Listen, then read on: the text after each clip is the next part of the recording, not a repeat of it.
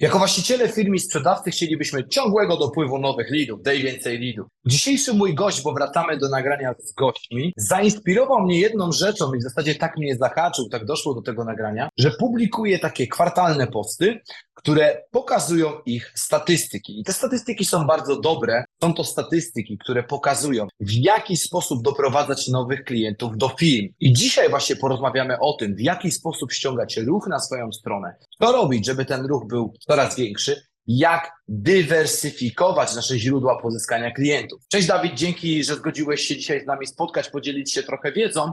I zacznę w taki bardzo standardowy już dla mnie sposób, czyli powiedz nam, co można od Ciebie kupić. Siemanko, e, dzięki za zapro.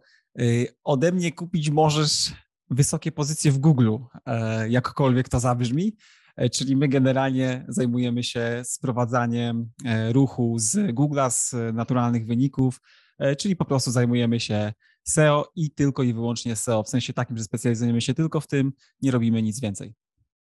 Okay, a możesz rozwinąć definicję SEO, bo kiedy spotykałem się tutaj z um, Asią Gizier, ona jak gdyby sprzedała nam definicję SEO, pokazywała czym się różni samo SEO od pozycjonowania.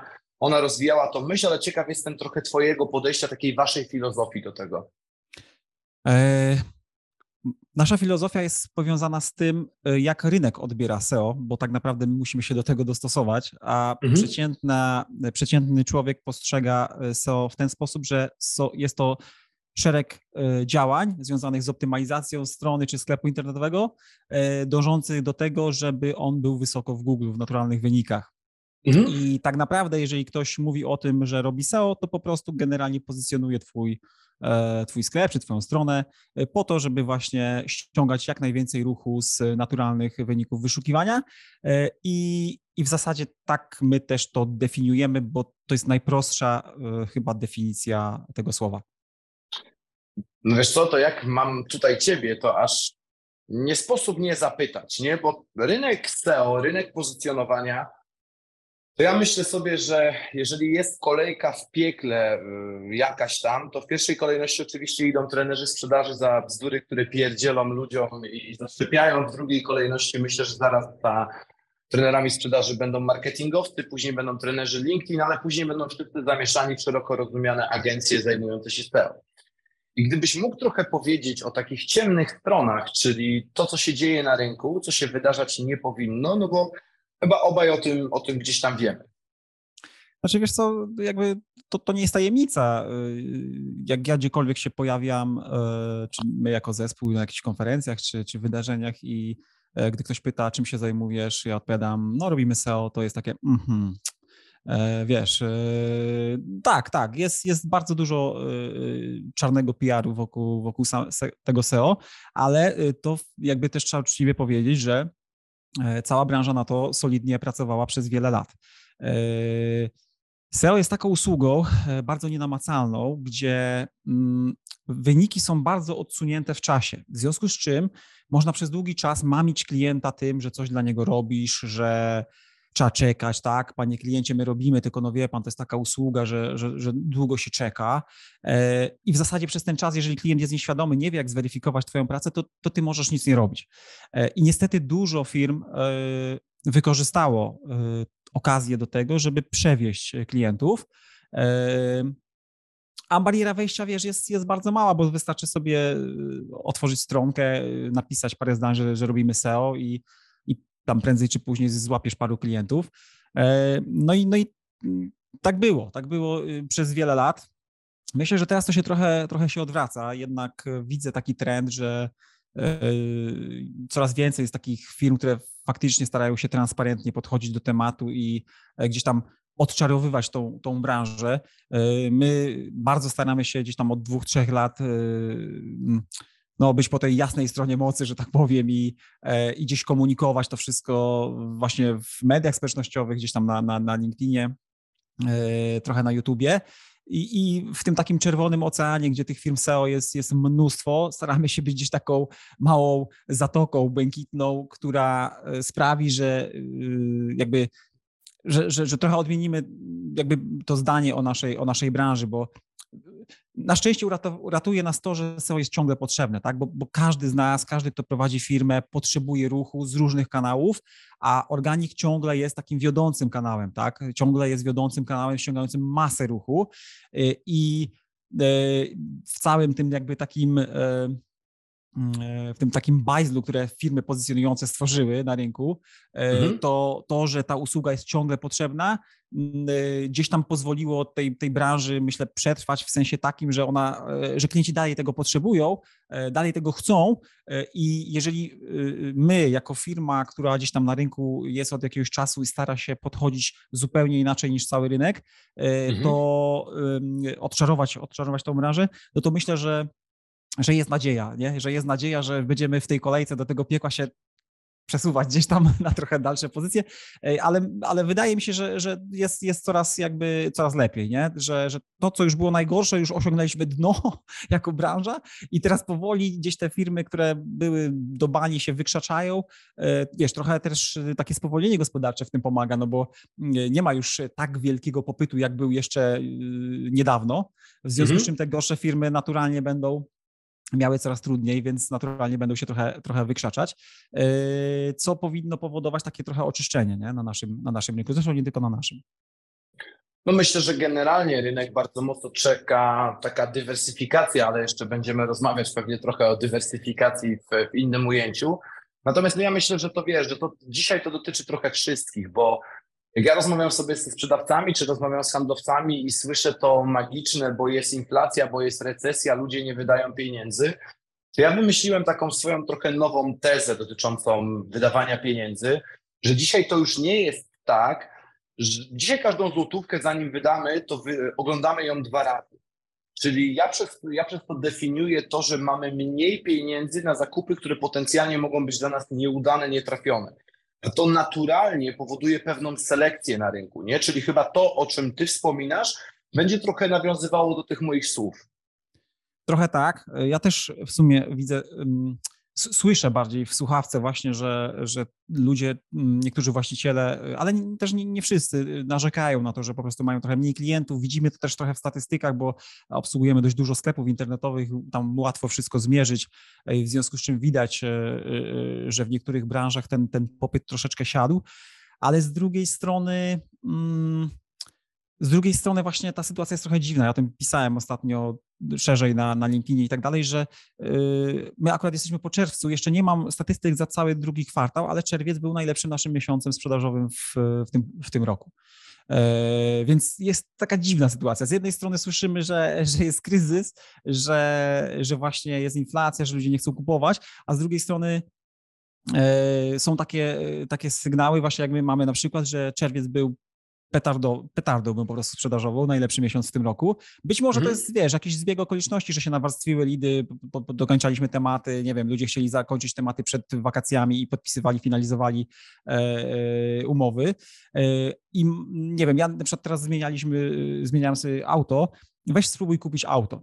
E, no masakra, no nie, nie, nie doprosisz się w ogóle, uważam, że wszyscy sprzedawcy tych samochodów, z którymi ja miałem do czynienia, wszyscy dealerzy, nawet z tego segmentu premium, tam chyba nikt nie robił żadnego szkolenia sprzedaży, w ogóle chyba żadnego. Oni po prostu tak beznadziejnie sprzedają, yy, że, że jak my byśmy tam, yy, jak my byśmy tam przenieśli swoje praktyki, to ja myślę, że brakłoby im samochodów, ale chyba właśnie z tego wynika te, ten, ten ich żenujący powód, yy, znaczy żenujący proces sprzedaży, że tam wysyłasz trzy pytania, dostajesz e, odpowiedź na pół pytania, tak? E, próbujesz się dodzwonić, odzwania, ale nie ma dla ciebie czasu. No masakryczne, ale to chyba wynika z tego, że popyt jest po prostu na nowe samochody duży, a samochodów nie ma i oni nie muszą się za bardzo starać, nie? Więc z jednej strony na rynku jest taka właśnie sytuacja, że dużo ludzi narzeka, ale czasem chyba to jest takie narzekanie dla narzekania, Mhm. E, a z drugiej strony e, no są branże, gdzie, gdzie, gdzie, widzimy, że faktycznie na przykład meble, nie? Że, że tam e, meble i ta, te, te, te okoła tych, tych, tych te dodatki, wszystkie dekoracje, że faktycznie tam zauważalnie spadło. Więc no tak, tak jest, ani inaczej, no tylko wiesz, no naszą rolą nie jest jakby, mm, tak mi się wydaje, że, że, że my y, jedyne, co możemy zrobić, to po prostu próbować się dopasować jakoś i znaleźć rozwiązanie, czyli znaleźć jakieś nowe metody, nie wiem, dotarcia do klientów albo podkręcić te, które już mamy znane, nie? więc te, które mamy opanowane, więc nie ma co, co raczej narzekać, trzeba skupić się na tym, żeby znaleźć rozwiązanie. Wspomniałeś o dealerach samochodowych i o wymianie auta. Mm, no ja jestem parę miesięcy po tym żmudnym i idiotycznym procesie i to nie jest tak, że w ogóle to taka ciekawostka, no bo to wiesz, to bardziej ja jestem w temacie. Dilerzy samochodowi szkolą się w PIP. E, oni się szkolą na potęgę. Ja akurat nie szkolę branży automotive jakoś specjalnie. Jest to jedna z dwóch branż, których ja mm, nie za bardzo obsługuję, dlatego że ja się na autach nie za bardzo znam. To, to, ja tego nigdy nie kryłem, że wiesz, dla mnie auto musi być ładne i szybkie i to mi wystarczy. Um, jak gdyby tak trochę, trochę jakby, wiesz, że jakby dorzucić do tego, że musi mieć ładny kolor, to kupowałbym trochę jak kobieta. Eee, bynajmniej większość kobiet. Ale zmierzam do tego, że ja też się spotkałem z tym, że poziom jakości obsługi dla mnie w wielu markach premium był totalnie nie do, nawet nie do, nie do zaakceptowania, tylko nie do pomyślenia w ogóle, że Dokładnie.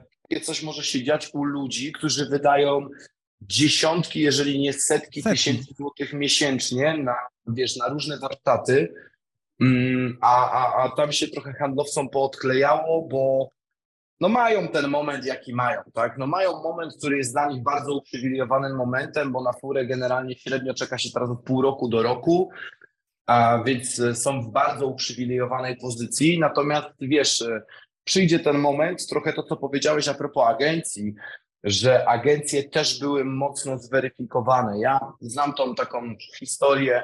Myślę, że każdy, kto poruszał się trochę wokół rynku około agencyjnego, kojarzy magiczną firmę z Poznania, która sprzedawała pozycjonowania na dziesiątki, setki tysięcy na taką skalę, że wszystkim obiecywali, że po dwóch, trzech miesiącach będą na każdą frazę na pierwszym miejscu.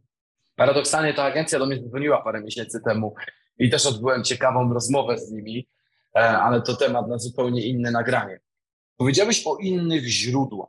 Teraz e, ja bym chciał do tych innych źródeł trochę przejść, no bo wy jako jako agencja zajmujecie się głównie samym, tak jak powiedziałeś, pozycjonowaniem. Natomiast samo ściąganie ruchu, generowanie ruchu, generowanie generalnie wejść na naszą stronę może być robione z różnych innych miejsc, to, to równie dobrze mogą być przekierowania. Jakbyś tak trochę opowiedział o, o tym, jak, w jaki sposób ściągać w ogóle ruch na stronę, co robić, żeby ten ruch był.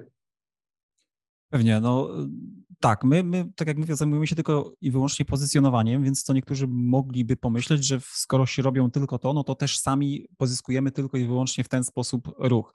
E, co oczywiście nie jest prawdą, bo e, byśmy się bardzo mocno zawężali. Więc e, u nas jakby my opieramy, opieramy jakby sprzedaż w zasadzie całą o cztery kanały, tak bym, tak bym to teraz nazwał. No wiadomo, podstawowy to jest, y, y, to jest, to jest właśnie SEO i ściąganie ściąganie leadów y, na naszą, przez naszą stronę internetową, przez, przez formularz najczęściej, bo ludzie raczej do nas nie piszą, raczej wypełniają ten króciutki formularz, który mamy na, na stronie i, i taki lead do nas, do nas wpada. No i mhm. jakby tutaj na, na to pracuje cała firma, tak, bo wiesz, całe działania marketingowe, wszystkie działania marketingowe mają tutaj, mają tutaj znaczenie. E, I to jest rzeczywiście jakby taki główny, e, główne źródło, no bo ono nam generuje około 60% lidów, e, mhm. tak w przybliżeniu. Natomiast przez bardzo długi czas takim głównym źródłem był cold mailing. Ten taki znienawidzony również mhm. i ten, który, który podobno nie działa od wielu lat. Mhm działa i, e, i dalej używamy, chociaż faktycznie już, już w mniejszej skali, ponieważ po prostu mm, te lidy takie ciepłe, które spływają przez stronę są dla nas trochę lepsze i, i, i, e, i na nich się skupiamy. E, niemniej dalej cold mailing praktykujemy. I cold mailing ma taką, taką fajną zaletę. U nas, u nas on odpowiada tam za około 15 do 20% lidów w tym momencie. Mhm. Natomiast największą zaletą moim zdaniem cold mailingu jest to, że można w bardzo przewidywalny sposób um, takie kampanie robić i dostarczać określoną ilość leadów, którą potrzebujesz w danym momencie. Co to znaczy? To znaczy, że jeżeli bardzo dobrze zap, zaprojektujesz sobie ten proces pozyskiwania y, klientów przez, przez cold mailing, to możesz sobie pomierzyć chociażby to, jaką masz konwersję, tak? Jeżeli wiesz, jaką masz konwersję średnią, to wiesz, mhm. ile tego cold mailingu musisz wysłać miesięcznie, żeby określoną ilość lidów pozyskać.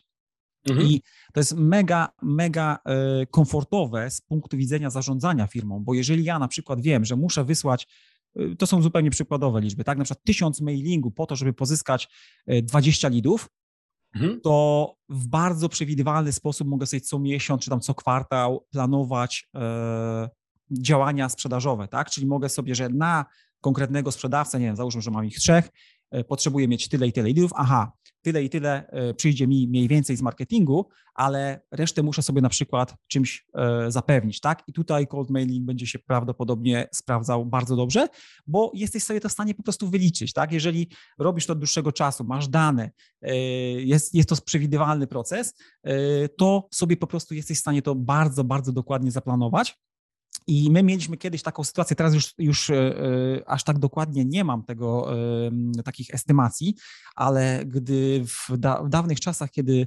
opieraliśmy sprzedaż głównie o cold mailing, to byliśmy w stanie naprawdę taką e, precyzją 80-90% oszacować sprzedaż po prostu, bo wszystko da się wyliczyć, tak? Jeżeli wiem, ile potrzebuję lidów, wiem, jaką mam konwersję, wiem, e, które umowy mi się najlepiej sprzedają, jakie pakiety, to ja mhm. jestem w stanie, y, to ja jestem w stanie mniej więcej estymować, jaką będę miał e, sprzedaż. Więc, więc e, to, jest, to jest oczywiście to jest oczywiście bardzo, bardzo e, taka pożądana wiedza z, z punktu znaczy z perspektywy osoby, która zarządza firmą e, i, i, do, tego, do tego bym dążył. I to jest na przykład, tego nie ma marketing, tak? Tego nie mają lidy z marketingu, bo z marketingu masz tak, że często masz tak, że pojedziesz na, na jakąś konferencję albo udzielisz jakiegoś wywiadu na znanym kanale YouTube'owym, takim jak twój na przykład i ci sypnie tymi lidami nagle i masz taką górkę lidów, którą musisz obsłużyć w miarę szybkim czasie, no bo przecież nikt nie będzie czekał długo na ofertę, mhm. a później możesz mieć przez jakiś czas posłuchać, nie? Że tutaj to bardziej w takich interwałach działa, a cold mailing możesz sobie ustalić, ustawić tak kampanię, że, e, że doprecyzujesz sobie, że to idealnie ci wchodzi tak, jak chcesz, w takim rytmie, jak, jak, jak potrzebujesz. No oczywiście takie dodatkowe działania e, marketingowe e, pod czyli kampania ads, ale ona u nas nie jest jakoś, my jakoś mocno nie, E, nie ciśniemy tematu, tam e, powiedzmy, że 10% e, naszych lidów z tego pochodzi, a cała reszta już z partnerów, tylko no właśnie, my partnerów jako tako nie pozyskujemy, w sensie nie chodzimy, nie szukamy, to marketing robi nam tą robotę, że zgłaszają się do nas różne agencje, które tworzą strony, które, albo firmy, które cokolwiek sprzedają i czasem ktoś ich pyta o to na przykład, gdzie można by było zrobić SEO, no to, mhm. to mogą do nas wpaść nie? i oni się sami po prostu zgłaszają. Tam mamy jakiś program partnerski, więc też staramy się ich w jakiś tam sposób wynagrodzić za to, że że, że podsyłają nam te lidy, ale to, to jest jakby naturalne, ci partnerzy to jest taka naturalna pochodna wszystkich pozostałych działań. My się nie skupiamy na tym, żeby ich pozyskiwać, oni po prostu obserwując gdzieś tam w necie nasze działania sami się zgłaszają i to jest najbardziej zdrowe, bo wtedy y, jakby oni współpracują z nami dlatego, że chcą, a nie dlatego, że muszą, nie? tylko po prostu chcą.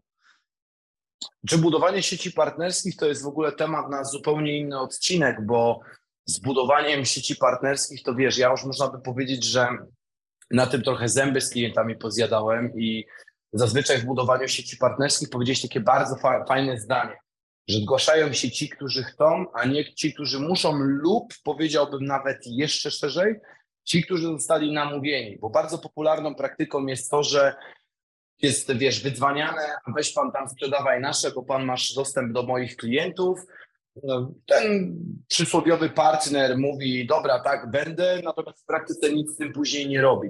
Nie robi z tysiąca przyczyn, ale generalnie główną przyczyną jest to, że po prostu system partnerski czy sam system zarządzania partnerami jest bardzo źle zrobiony. Ja przerabiałem paradoksalnie taki sam case też z jedną agencją marketingową, gdzie wiesz, w teorii oni w pewnym momencie mieli chyba 120, tam nie pamiętam teraz, czy dwóch, czy siedmiu partnerów w, w swoim portfolio, natomiast lidy przywoziło im dwóch.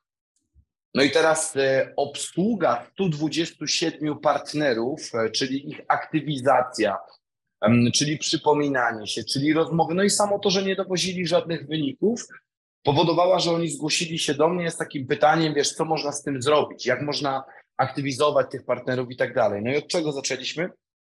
Zaczęliśmy od wyczyszczenia w ogóle partnerów, na nowo zdefiniowania sobie definicji partner, ustalenia warunków, które byłyby mm, sensowne i z systemem aktywizacji, który nie byłby wymagający.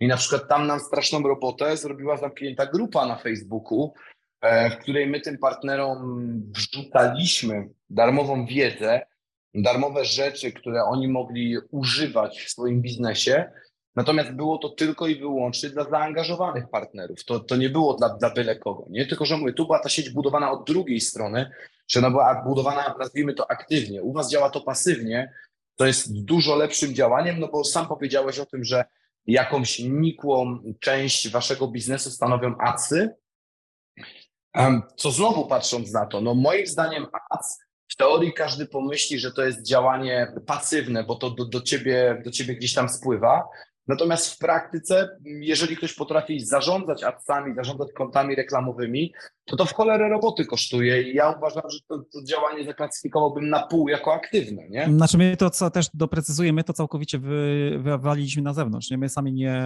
nie obsługujemy tej kampanii, po prostu mamy, znaleźliśmy partnera, firmę, która specjalizuje się tylko w adsach i oni dla nas robią tą kampanię, nie? Więc jakby my mamy taką też filozofię działania, że wszystko, co da się outsourcować, to wywalamy na zewnątrz, skupiamy się tylko na swojej robocie, na tym, co, co na czym się najlepiej znamy. I my mamy też dużo zapytań, wiesz, o to właśnie, czy, yy, czy, czy ktoś by tam chciał, żeby mu stronę zrobić, sklep postawić, yy, social media poprowadzić i albo, albo właśnie, żeby adsy mu poprowadzić. E, i z, z, takim uporem maniaka, z konsekwencją odmawiamy. E, mimo, że wiesz, na początku, mm, jak e, przyjęliśmy tą strategię, to był taka, była taka pokusa, a może by to sprzedać, nie? Zawsze tam parę stów padnie więcej, nie?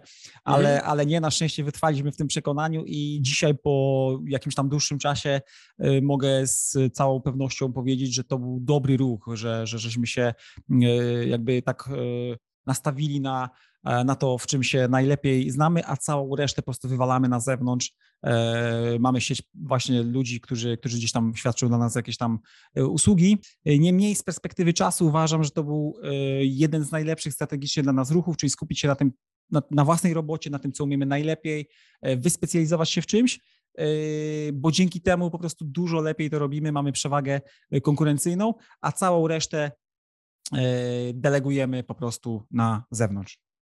Czyli poczekaj, Dawid, czyli ja muszę o to Ciebie zapytać, czyli jesteś zwolennikiem takiego podejścia, że wąska specjalizacja to najlepsza specjalizacja? Tak, e, my, my mamy takie podejście od jakiegoś czasu. E, ja nawet, nawet na takim poziomie makro, nie? żeby ja prowadziłem działalność, ja prowadzę z, ze wspólnikiem, prowadzimy tą, tą firmę, ale mieliśmy mm. też kilka swoich sklepów internetowych i w pewnym mm. momencie doszliśmy do takiego wniosku, że to, to jest fajne, to jest, ta taka dywersyfikacja jest super e, z takiego prywatnego punktu widzenia, bo masz parę pensji, e, ale zauważyliśmy, że w, e, jakby dochodzimy do sufitów, tak, że, że przestajemy się rozwijać, a wiedzieliśmy, że można się dalej rozwijać, tak, w tych biznesach, czyli tak, jeżeli zajmowaliśmy się jakimś biznesem, to inny na tym cierpiał, jeżeli przeskakiwaliśmy do tego drugiego biznesu, to, to z kolei ten pierwszy na tym, na tym cierpiał. I podjęliśmy taką decyzję, że sprzedamy nasze sklepy internetowe, co zrobiliśmy, i skupiliśmy się tylko i wyłącznie na, na właśnie na Top Online, czyli na, na naszej agencji SEO. I z hmm. perspektywy czasu, bo już minęło no, z dwa, dwa i pół roku, hmm. widzimy, że, że na dobre nam to wyszło. Przy czym ja nie twierdzę, że to jest najlepsza strategia dla każdego, bo może hmm. ktoś mhm. jest typem inwestora i umie tak sobie poukładać biznesy, że tylko nimi zarządza z takiego właśnie punktu, e, wiesz, że tylko dogląda a sam aktywnie praktycznie tam nigdzie e, nie, nie uczestniczy.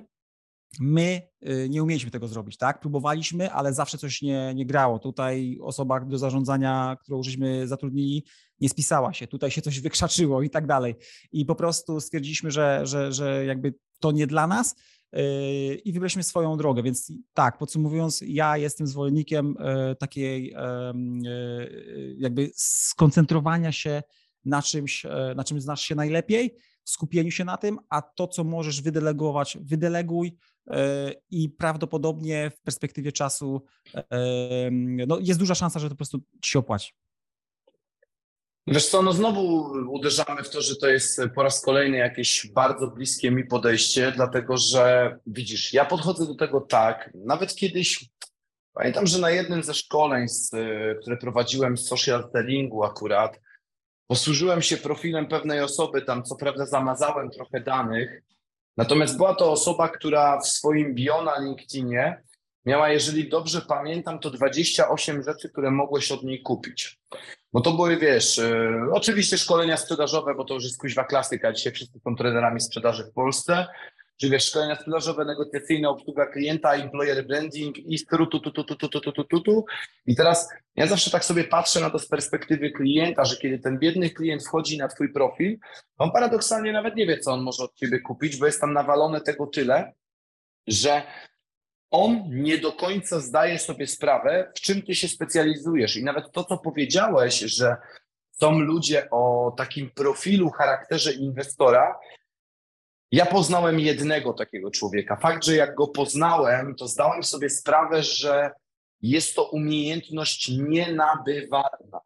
Poznałem człowieka parę, no ładnych parę miesięcy temu mm, na jednej z konferencji, e, na której ja występowałem i tak się zagadaliśmy, że gadaliśmy do wpół do piątej nad ranem, e, bo ja byłem tak zafascynowany tym, jak ten człowiek potrafi łączyć biznesowe kropki, czyli jak on potrafi myśleć holistycznie.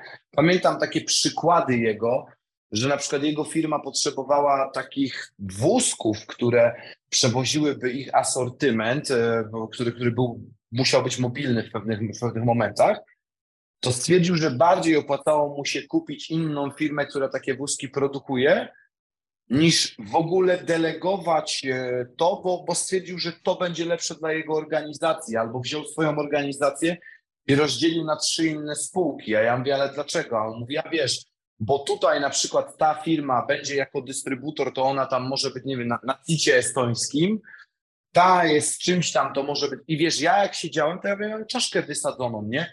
jak ten człowiek potrafi biznesowo łączyć sobie kropki. On wtedy, pamiętam, że chyba na tamten moment on miał dwadzieścia kilka różnych spółek, z których notabene mógłbyś zrobić jedną firmę, ale to by się nie opłacało. Nie? Więc to jest taka umiejętność, zgadzam się w 100%, że ona jest nienabywalna. Natomiast jak gdyby wracając do też naszej przygody trochę do tego, jak, jak ja Ciebie złapałem, do tego, jak też mówisz, że partnerzy do Ciebie trafiają, to jedną z rzeczy, która, która, która doskonale wiesz, że mocno mnie zaczepiła, bo jest też bliska gdzieś tam podejściu, które ja praktykuję, to były konkretne liczby, konkretne cyfry, które gdzieś podałeś u siebie. I ja bym chciał się skupić trochę na tych liczbach. Nawet sobie gdzieś tam przygotowałem mm, tutaj z boku jeden Twój post odnośnie mm, podsumowania pierwszego kwartału 2023 roku. I tu masz bardzo ciekawe liczby, bo ilość lidów było 196, ale później mieliśmy ilość lidów kwalifikowanych. Tu zrobię chwilę stop. Jakbyś mógł naszym słuchaczom powiedzieć, bo ja już nie mam siły tego tłumaczyć, czym się różni lead od lida kwalifikowanego, bo ja już nie mam siły ludziom o tym mówić, nie? No, wiesz, tych definicji też jest mnóstwo, bo to yy, tak naprawdę yy, w internecie każdy yy, może być specjalistą takim samozwańczym od wszystkiego i w takim natłoku informacji często przekazywane są też błędne informacje, czasem sprzeczne zresztą ze sobą. E, więc to też e, my jako twórcy internetowi też czasem możemy trochę mieszać ludziom w głowach. Niemniej najprostsza taka definicja jest taka z naszej perspektywy. Jeżeli wszystkie zapytania, które do, do nas spływają, możemy mówić, że to są lidy, no bo to są ludzie, którzy o coś, coś chcą od nas kupić. Natomiast tych kwalifikowane to są te, które rzeczywiście mogą być naszym klientem i których to są ci, którzy powinni być naszym klientem, którym możemy my pomóc.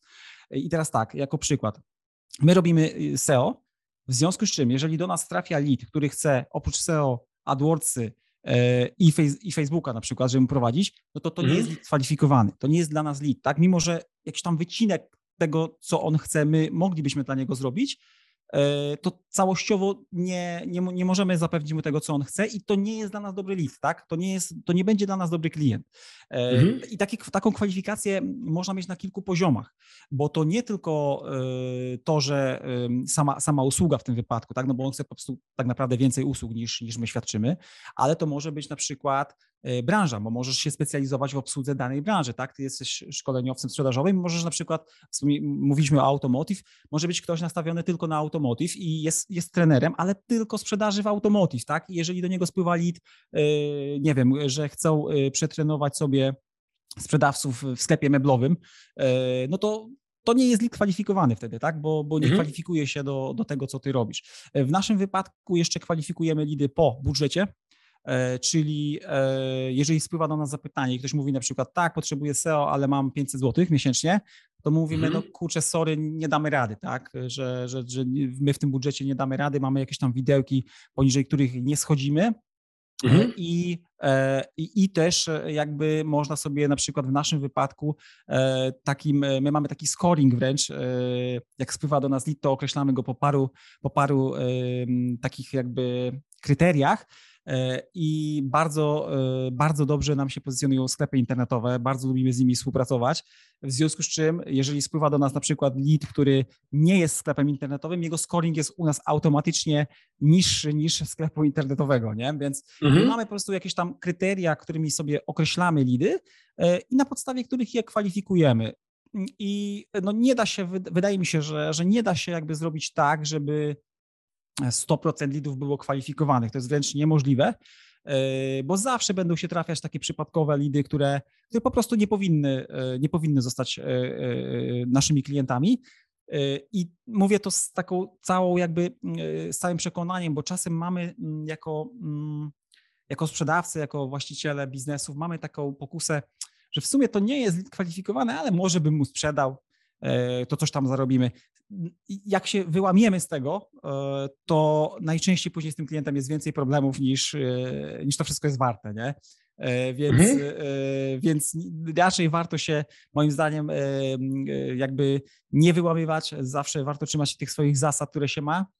Mhm. No i przede wszystkim warto robić tą kwalifikację, bo to jest ogromna oszczędność czasu. Nie tylko na, nie tylko na etapie właśnie sprzedaży, bo nie poświęcasz wtedy tego czasu na, wiesz, negocjacje, na rozmowy i tak dalej z klientem, który nie powinien być twoim klientem, ale później na, na etapie też obsługi, bo jeżeli podpiszesz umowę z kimś, kto nie powinien być twoim klientem, to mhm. na jego obsługę później wydasz naprawdę dużo, dużo więcej, bo będziesz musiał mu poświęcać czas, on wiecznie będzie niezadowolony, nie będzie ci płacił, będziesz musiał y, windykować. Bez sensu, bez sensu. Najlepiej na tym pierwszym etapie, na tyle, na, na ile się da, określić sobie kryteria, takiego lida kwalifikowanego, czyli takiego wymarzonego wręcz klienta naszego, z którym nam się najlepiej pracuje. E, mhm. I to później, e, to później zaowocuje tym, że po prostu łatwiej się będzie tych klientów pozyskiwać i jeszcze łatwiej e, obsługiwać. No tutaj muszę się posłużyć znanym, już takim legendarnym przykładem mojej historii z sali szkoleniowej bo akurat mm, no ja mam dosyć dużo tych czynników dyskwalifikujących klienta paradoksalnie, bo ja jestem zwolennikiem takiego podejścia, zresztą wielokrotnie już przytaczałem taką moją maksymę, że czym szybciej nauczysz się dyskwalifikować klientów, tym więcej będziesz sprzedawać.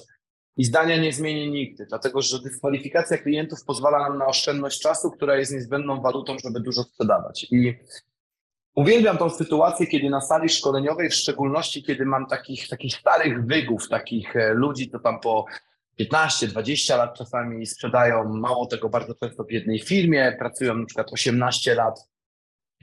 I mówię do nich, że poznaj budżet swojego klienta już na początku rozmów sprzedażowych. I pamiętam, to, to, jest niesamowita reakcja, jak oni na mnie patrzą, jak na, na, na wyrwanego w ogóle z kosmosu gościa, który przyszedł i będzie im pieprzył bzdury ale kiedy zmieniam im perspektywę i mówię do nich, że no to dobra, to obróćmy perspektywę. Chcesz pracować na kliencie i wykonywać wszystkie swoje działania, od chociażby tam powiedzmy, niech to będzie taka, taki proces, że od umówienia się na spotkanie, pojechanie na to spotkanie, odbyciu rozmowy sprzedażowej, tam e, z całym szeregiem zabiegów typu badanie potrzeb, w zależności od tego, co sprzedajesz, później wracasz do biura, robisz ofertę, wykonujesz follow-up i dowiadujesz się, że klienta na ciebie nie stać. Nie? Czy to jest jakikolwiek sens? Dlatego to, co mówisz, czyli te czynniki dyskwalifikacyjne, użyłeś znowu takiego sformułowania, które mm, bardzo mi się podoba, czyli że to kusi. Pieniądze mają to do siebie, że pieniądze zawsze kuszą, nie? I z pieniędzmi zawsze będzie tak, że zawsze w naszej głowie będzie się pojawiało takie z tyłu, że a może jednak, nie? a może jednak bym wziął, w sumie to, to, to mam zasób do tego i tak dalej. Natomiast zgadzam się z tym, że bardzo często branie zleceń, które no nie są zleceniami takimi, może nie powiedziałbym wymarzonymi, ale określiłbym to dobrymi czy kwalifikowanymi dla nas, generuje całą masę niepotrzebnej roboty i okazuje się na koniec dnia, że to, co my zaliczyliśmy jako potencjalny przychód, wychodzi nam na minus, bo mieliśmy z tym za dużo pracy operacyjnej, nie? Dokładnie. Idziemy, idziemy sobie w drugi czynnik, czyli kiedy już e, mamy ten lead kwalifikowany, to masz tutaj ilość pozyskanych klientów 40, czyli konwersję daje ci to 30%. Posługiwałeś się słowem konwersja, ja też non stop o nim nadaję. Natomiast dla przypomnienia słuchaczom, czym jest konwersja waszym zdaniem? E, u nas jest to po prostu podpisanie umowy.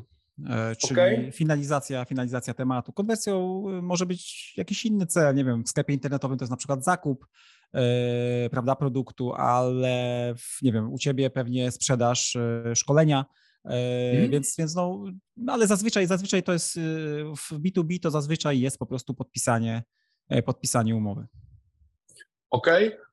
E, I teraz tak, pamiętajcie moi kochani o tym, bo ja ten może post Dawida nawet podlinkuję, bo on jest dosyć ważny, że konwersję liczymy tylko i wyłącznie z lidów zakwalifikowanych, tak jak dokładnie wy to policzyliście, bo to jest znowu taka rzecz, z którą ja się często bujam, że firmy wyliczają konwersję z niewłaściwych wskaźników, nie? Bo ja zawsze mówię konwersja, że to jest ilość działań przez efekt, no bo w waszym wypadku to będzie mm, to będzie po prostu podpisanie umowy zakwalifikowanego lida, ale ktoś na przykład chce policzyć sobie konwersję umówionych rozmów handlowych, no to niech sobie liczy, ale liczy to tylko w taki sposób, że liczy to z rozmów, które się odbyły, a nie telefonów, które wykonał, bo jeżeli naturalną drogą będzie to, że jeżeli wykonujesz 100 telefonów, ale 50 osób ci w ogóle nie odebrało telefonu i teraz ty z tych 50 rozmów umówisz 5 spotkań handlowych, to konwersję masz nie 5%, tak jak liczy większość firm, tylko 10%, bo do 50 osób się tylko dodzwoniłeś. I to jest bardzo ważne, żeby liczyć to z właściwych danych. Tutaj idąc dalej tym postem, przytoczyłeś mm, rozkład źródeł klientów. Mamy Google Ads, formularz na stronie, cold mailing i partnerzy. Bardzo wysoki wskaźnik w mojej opinii generują Wam partnerzy, no bo to było 19,66. I teraz o partnerach już dużo mówiłeś, o cold callingu już mówiłeś, ale gdybyś miał powiedzieć trochę bardziej o samym ruchu, y, tym jak kierujecie na formularz na stronę, to co wy dokładnie, jakie dokładnie dzisiaj działania robicie i możecie polecić osobom oglądającym i słuchającym, które będą ściągały ludzi na naszą stronę i będą sprawiały, że oni wypełnią jakiś tam formularz, czyli wykonają jakieś call to action. Och, to jest bardzo, to jest w zasadzie temat na osobny odcinek, ale tak pokrótce. E, bardzo popularnym pojęciem jest tak zwany lejek marketingowy e, mhm. i e, wszyscy o nim słyszeli, ale prawie nikt go nie stosuje. Mm, tak, takie, taka jest moja obserwacja. My faktycznie po prostu taki lejek sobie zbudowaliśmy, czyli jakie działania musimy podejmować, żeby ludzie ostatecznie trafiali do nas na stronę i żeby zostawiali kontakt do siebie, żeby pisali do nas, wypełniali formularz, że są zainteresowani naszymi usługami. I e, w zasadzie e, to cały marketing, który mamy, który teraz robimy, on jest na to nastawiony. I ja bym ten, ten ruch na stronie my, my jakby generujemy poprzez tak, tak no, jakby spłycając przez dwie rzeczy. Właśnie ten marketing, o którym zaraz trochę szerzej powiem, no mhm. i przez pozycjonowanie siebie, tak? Czyli, e, czyli pozycjonujemy siebie. E, pozycjonujemy siebie głównie poprzez działania na, na naszej stronie. My bardzo aktywnie prowadzimy naszą, e, naszego bloga. E, cyklicznie, systematycznie ten content marketing e, e, robimy, czyli cały czas tworzymy taką wartościową treść. To powoduje, że gdzieś tam systematycznie pniemy się w górę w tych, w tych wynikach wyszukiwania i, i ten nasz, ta nasza widoczność jest coraz większa, no to wpływa po prostu na większy ruch na, na stronie i na większą ilość lidów. No i drugi, drugim właśnie, jakby drugą taką odnogą jest wszystkie te działania marketingowe typu taki występ u ciebie, e, typu e, systematyczne prowadzenie mediów społecznościowych. Ja akurat skupiam się na LinkedInie, e, bo mi po prostu taki sobie dałem cel i od, no nie wiem od kiedy, od półtora roku tydzień w tydzień publikuję przynajmniej jeden post, tak? Czyli mam taska zapisanego, że muszę po prostu to, to zrobić i żeby nie wiem co, to jakiś post wyprodukuję. Mhm. I myśmy to wdrożyli procesowo, czyli u nas każdy w firmie, kto chce uczestniczyć w marketingu, bo też na siłę nie, nie zmuszamy wszystkich, bo jak ktoś nie ma do tego e, predyspozycji, no to, to, to nie ma sensu, tak? Jak będzie robił na siłę, to, to, to będzie efekt odwrotny od zamierzonego. Mhm. Natomiast e, ci wszyscy, którzy chcą, jest nas tutaj parę osób, które, które się zadeklarowały, wszyscy w tym uczestniczą, tak? Czyli webinary, e, wywiady, e, produkcja treści na zewnętrznych serwisach, produkcja wideo i u siebie na naszych kanałach i na zewnętrznych kanałach.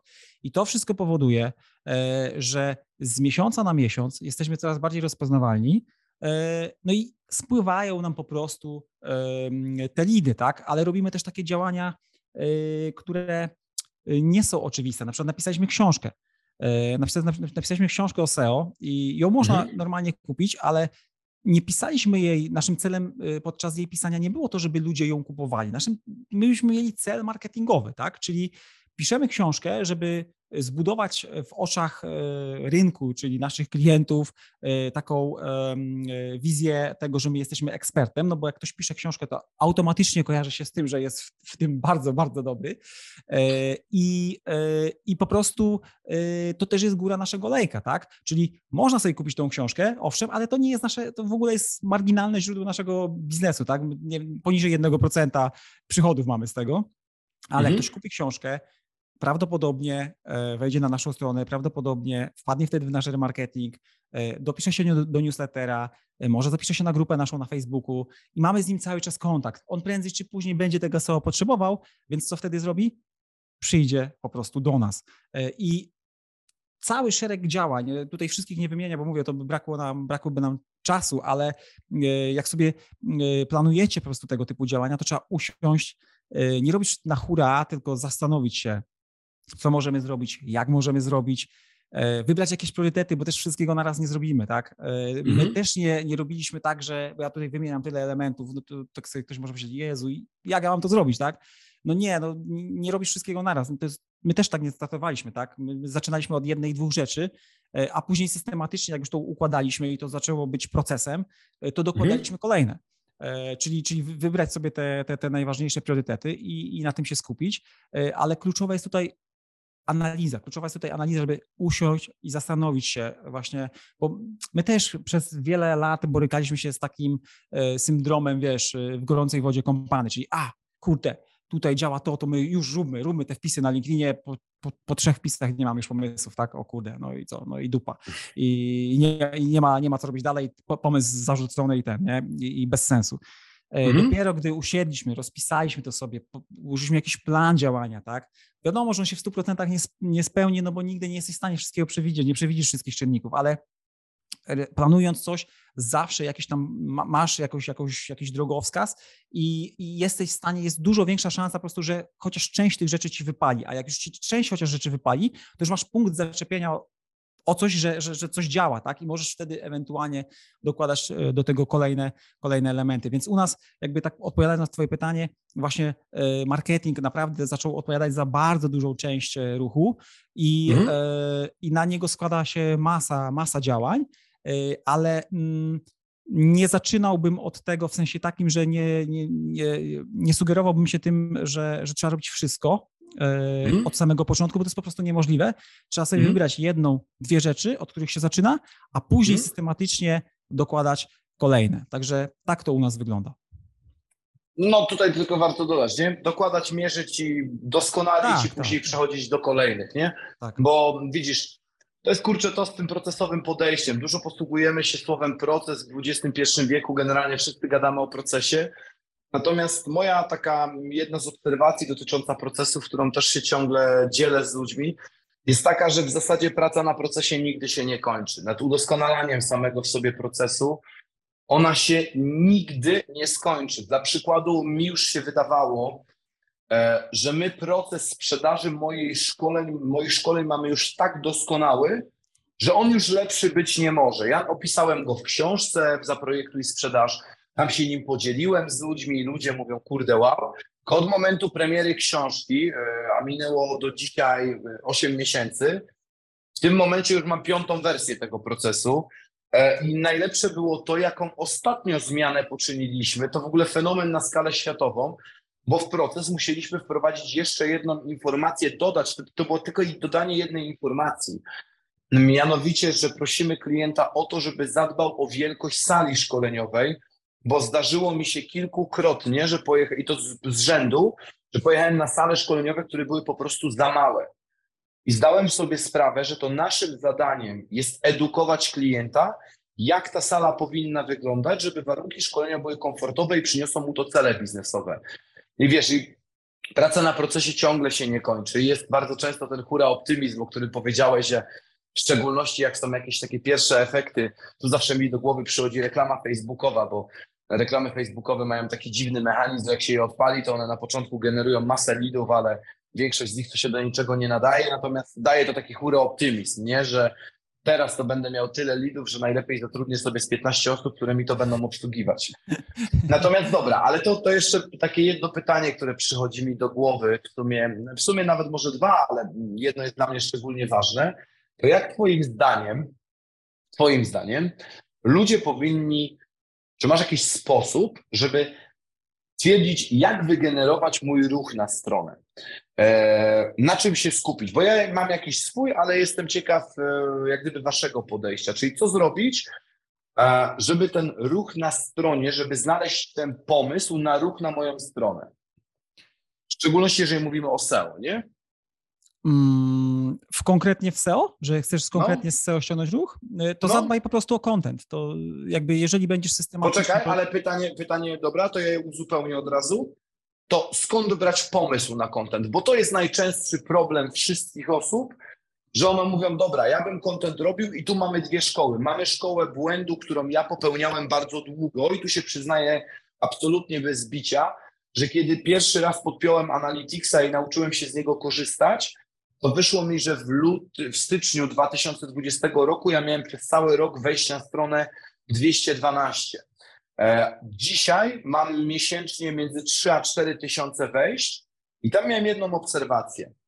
Ja pisałem wpisy na bloga, bo ja już je pisałem, ale pisałem to, co ja chciałem napisać, a nie to, co ludzie czy chcą czytać, nie? I teraz, dobra, rozwij swoją wypowiedź. Tak, znaczy tutaj ja nie odkryję Ameryki. Najłatwiej jest zacząć w ten sposób, żeby zebrać wszystkie pytania klientów i po prostu na nie odpowiadać mhm. w sposób pisemne, tak? Bo jeżeli oni mają z czymś problem i pytają cię o tym, y, o te rzeczy w rozmowach, to najprawdopodobniej mhm. też szukają i wpisują to w wyszukiwarkę.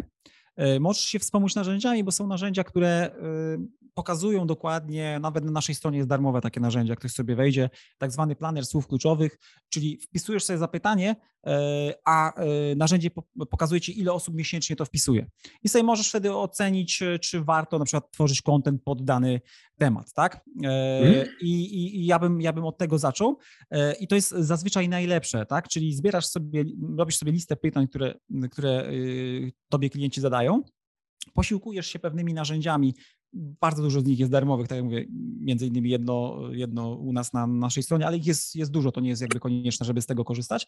Mhm. I już e, e, samo to, jak sobie usiądziesz z kartką i rozplanujesz to, czy tam w Excelu sobie rozpiszesz, to podejrzewam, że będziesz miał kontentu na co najmniej pół roku e, pisania. A to już jest taki, to już jest taki przedział czasowy, gdzie faktycznie możesz z tego e, jakby zobaczyć już sensowne efekty. Co więcej, staraj się pisać precyzyjnie, czyli odpowiadać na konkretne pytania, nie ogólne, tak? Nie ogólne, bo ogólników w internecie jest mnóstwo i ciężko się nimi przebić. E, Im bardziej precyzyjnie będziesz e, jakby publikował i odpowiadał na bardziej precyzyjne pytania, tym szybciej klienci ciebie odnajdą. Więc to jest, to jest jedna droga. A druga droga jest taka, ale nie wiem, czy jakby nie wiem, czy ona będzie dla wszystkich dobra. Ja, yy, my mamy też taką filozofię, że my staramy się pokazywać po prostu, jak my żyjemy, a nie uczymy ludzi, jak mają żyć. Yy, czyli, hmm? czyli po prostu, jeżeli w twojej firmie produkujesz, znaczy robisz rzeczy, produkujesz jakąś wartość, tak? Nie wiem, czy to właśnie w postaci jakichś usług, czy procesów, czy, czy robisz coś, co, co jest naprawdę wartościowe i, i, i o czym możesz opowiedzieć światu i ludzie powiedzą, wow, że mogę się tym zainspirować, to to są rzeczy, o których warto, o których warto publikować. I ja miałem na przykład E, my, my, nie sprzedajemy rzeczy, my nie, nie, sprzedajemy, nie wiem, szkoleń sprzedażowych e, czy tego typu rzeczy, ale miałem na przykład e, bardzo duży epizod z tym, że pokazywałem, jak my pozyskujemy klientów, mhm. że wykorzystujemy do tego materiały wideo, że, że nagrywamy wideo i to mi dało wejście na wiele konferencji, na wiele kanałów na YouTubie, na wiele podcastów, czyli temat nie był tak jakby w 100% związany z tym, co my oferujemy, tak? Ale mhm. był jednym z elementów naszego procesu sprzedaży. Pokazywałem go e, i omawiałem go, pokazywałem, jakie nam to dało efekty. To powodowało, że ludzie byli tym zainteresowani, a na końcu, no nie, nie, nie, nie, pewnie nie wszyscy, wiadomo, ale, ale duża część z tych ludzi mówiła, kurde, jeżeli wy tak robicie z tą sprzedaż, e, to w sumie ja potrzebuję tego SEO, to, to bym może z wami o tym pogadał, nie? E, więc taką okrężną drogą do nas trafiali wtedy ludzie, którzy, którzy gdzieś tam e, nie mieli w pierwszym planie nawet e, korzystania z naszych usług, ale, ale przez to, że dzieliliśmy się rzeczami, które były dla nich użyteczne, które wniosły coś, jakąś wartość do ich firmy, no to oni gdzieś tam, jak już pomyśleli, że to SEO będzie, będzie im przydatne, no to byliśmy pierwszym jakby wyborem. Mhm. I, I, my, tak, my tak do tego podchodzimy yy, i to nam, się, to nam się sprawdza, więc myślę, że tak bym po prostu odpowiedział na to pytanie yy, i tak bym doradził komuś, kto, kto by mnie zapytał o takie rzeczy. Czy widzisz, bo i tu jest kurczę taka filozofia trochę, mi się przypomina jak mój znajomy zawsze mawiał, jak graliśmy na piłce i wiesz, przychodził nagle ktoś, kto miał jakąś tam opaskę na nodze, która liczyła mu, wiesz, podania prawą, lewą, ile przebieg, ile miał sprintów i tak dalej. Mój znajomy zawsze mawiał, że więcej sprzętu niż talentu. I ja tak trochę patrzę na to y, z pozycji y, pozycjonowania swojej strony, czy w ogóle generowania wyników, że wiesz, w wielu wypadkach wsparcie agencji jest niezbędne. I to jak gdyby ja tutaj y, przykładowo, gdybym dzisiaj prowadził sklep internetowy, no to masz dwie opcje do wyboru. Albo zatrudniasz kogoś in-house, kto ci to będzie robił, ogarniał, natomiast znowu to generuje pewien problem, bo pytanie, czy ty umiesz weryfikować kompetencje tej osoby, bo zawodowych poszukiwaczy pracy na rynku pracy doskonale wiemy, że jest zbyt dużo, no albo zlecasz to zewnętrznej agencji. Natomiast ludzie też bardzo często, wiesz, chcą korzystać ze zbyt wielu narzędzi naraz, mm, które i takim nie odpowiedzą na żadne inne pytanie. I tutaj posłużę się Twoim przykładem, że ja w zasadzie korzystam tylko z jednego narzędzia do sugestii słów kluczowych i to jest planer słów kluczowych Google'owy.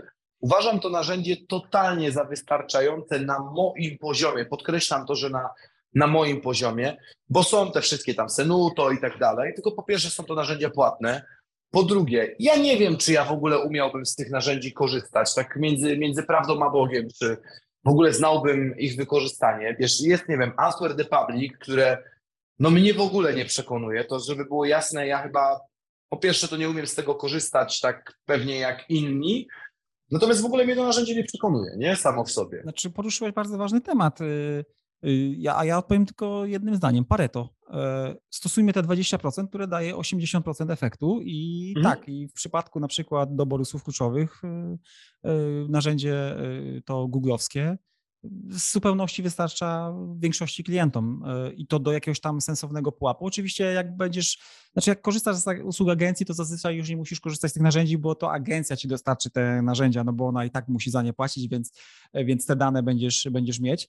E, ale tak jak mówisz, jeżeli samodzielnie działasz, to, to nie ma potrzeby jakby wykupywać tysiąca, tysiąca narzędzi, bo po pierwsze są darmowe odpowiedniki, a po drugie mm, jakby ty, ty, poruszyłeś taki temat e, tam wcześniej e, tego perfekcjonizmu, że my chcemy być często perfekcyjni, tak? Że zanim coś zaczniemy jakieś działanie, to, to, to chcemy to, o tym przeczytać wszystko i, i jakby, jakby posiąść wiedzę absolutnie e, całkowitą na ten, na, na, ten temat, a jak już zaczniemy o tym czytać, to się, dowiadujemy, że to, jest, to się dowiadujemy, że to jest tak skomplikowane, że w sumie nie ma sensu ruszać, nie? więc, mhm.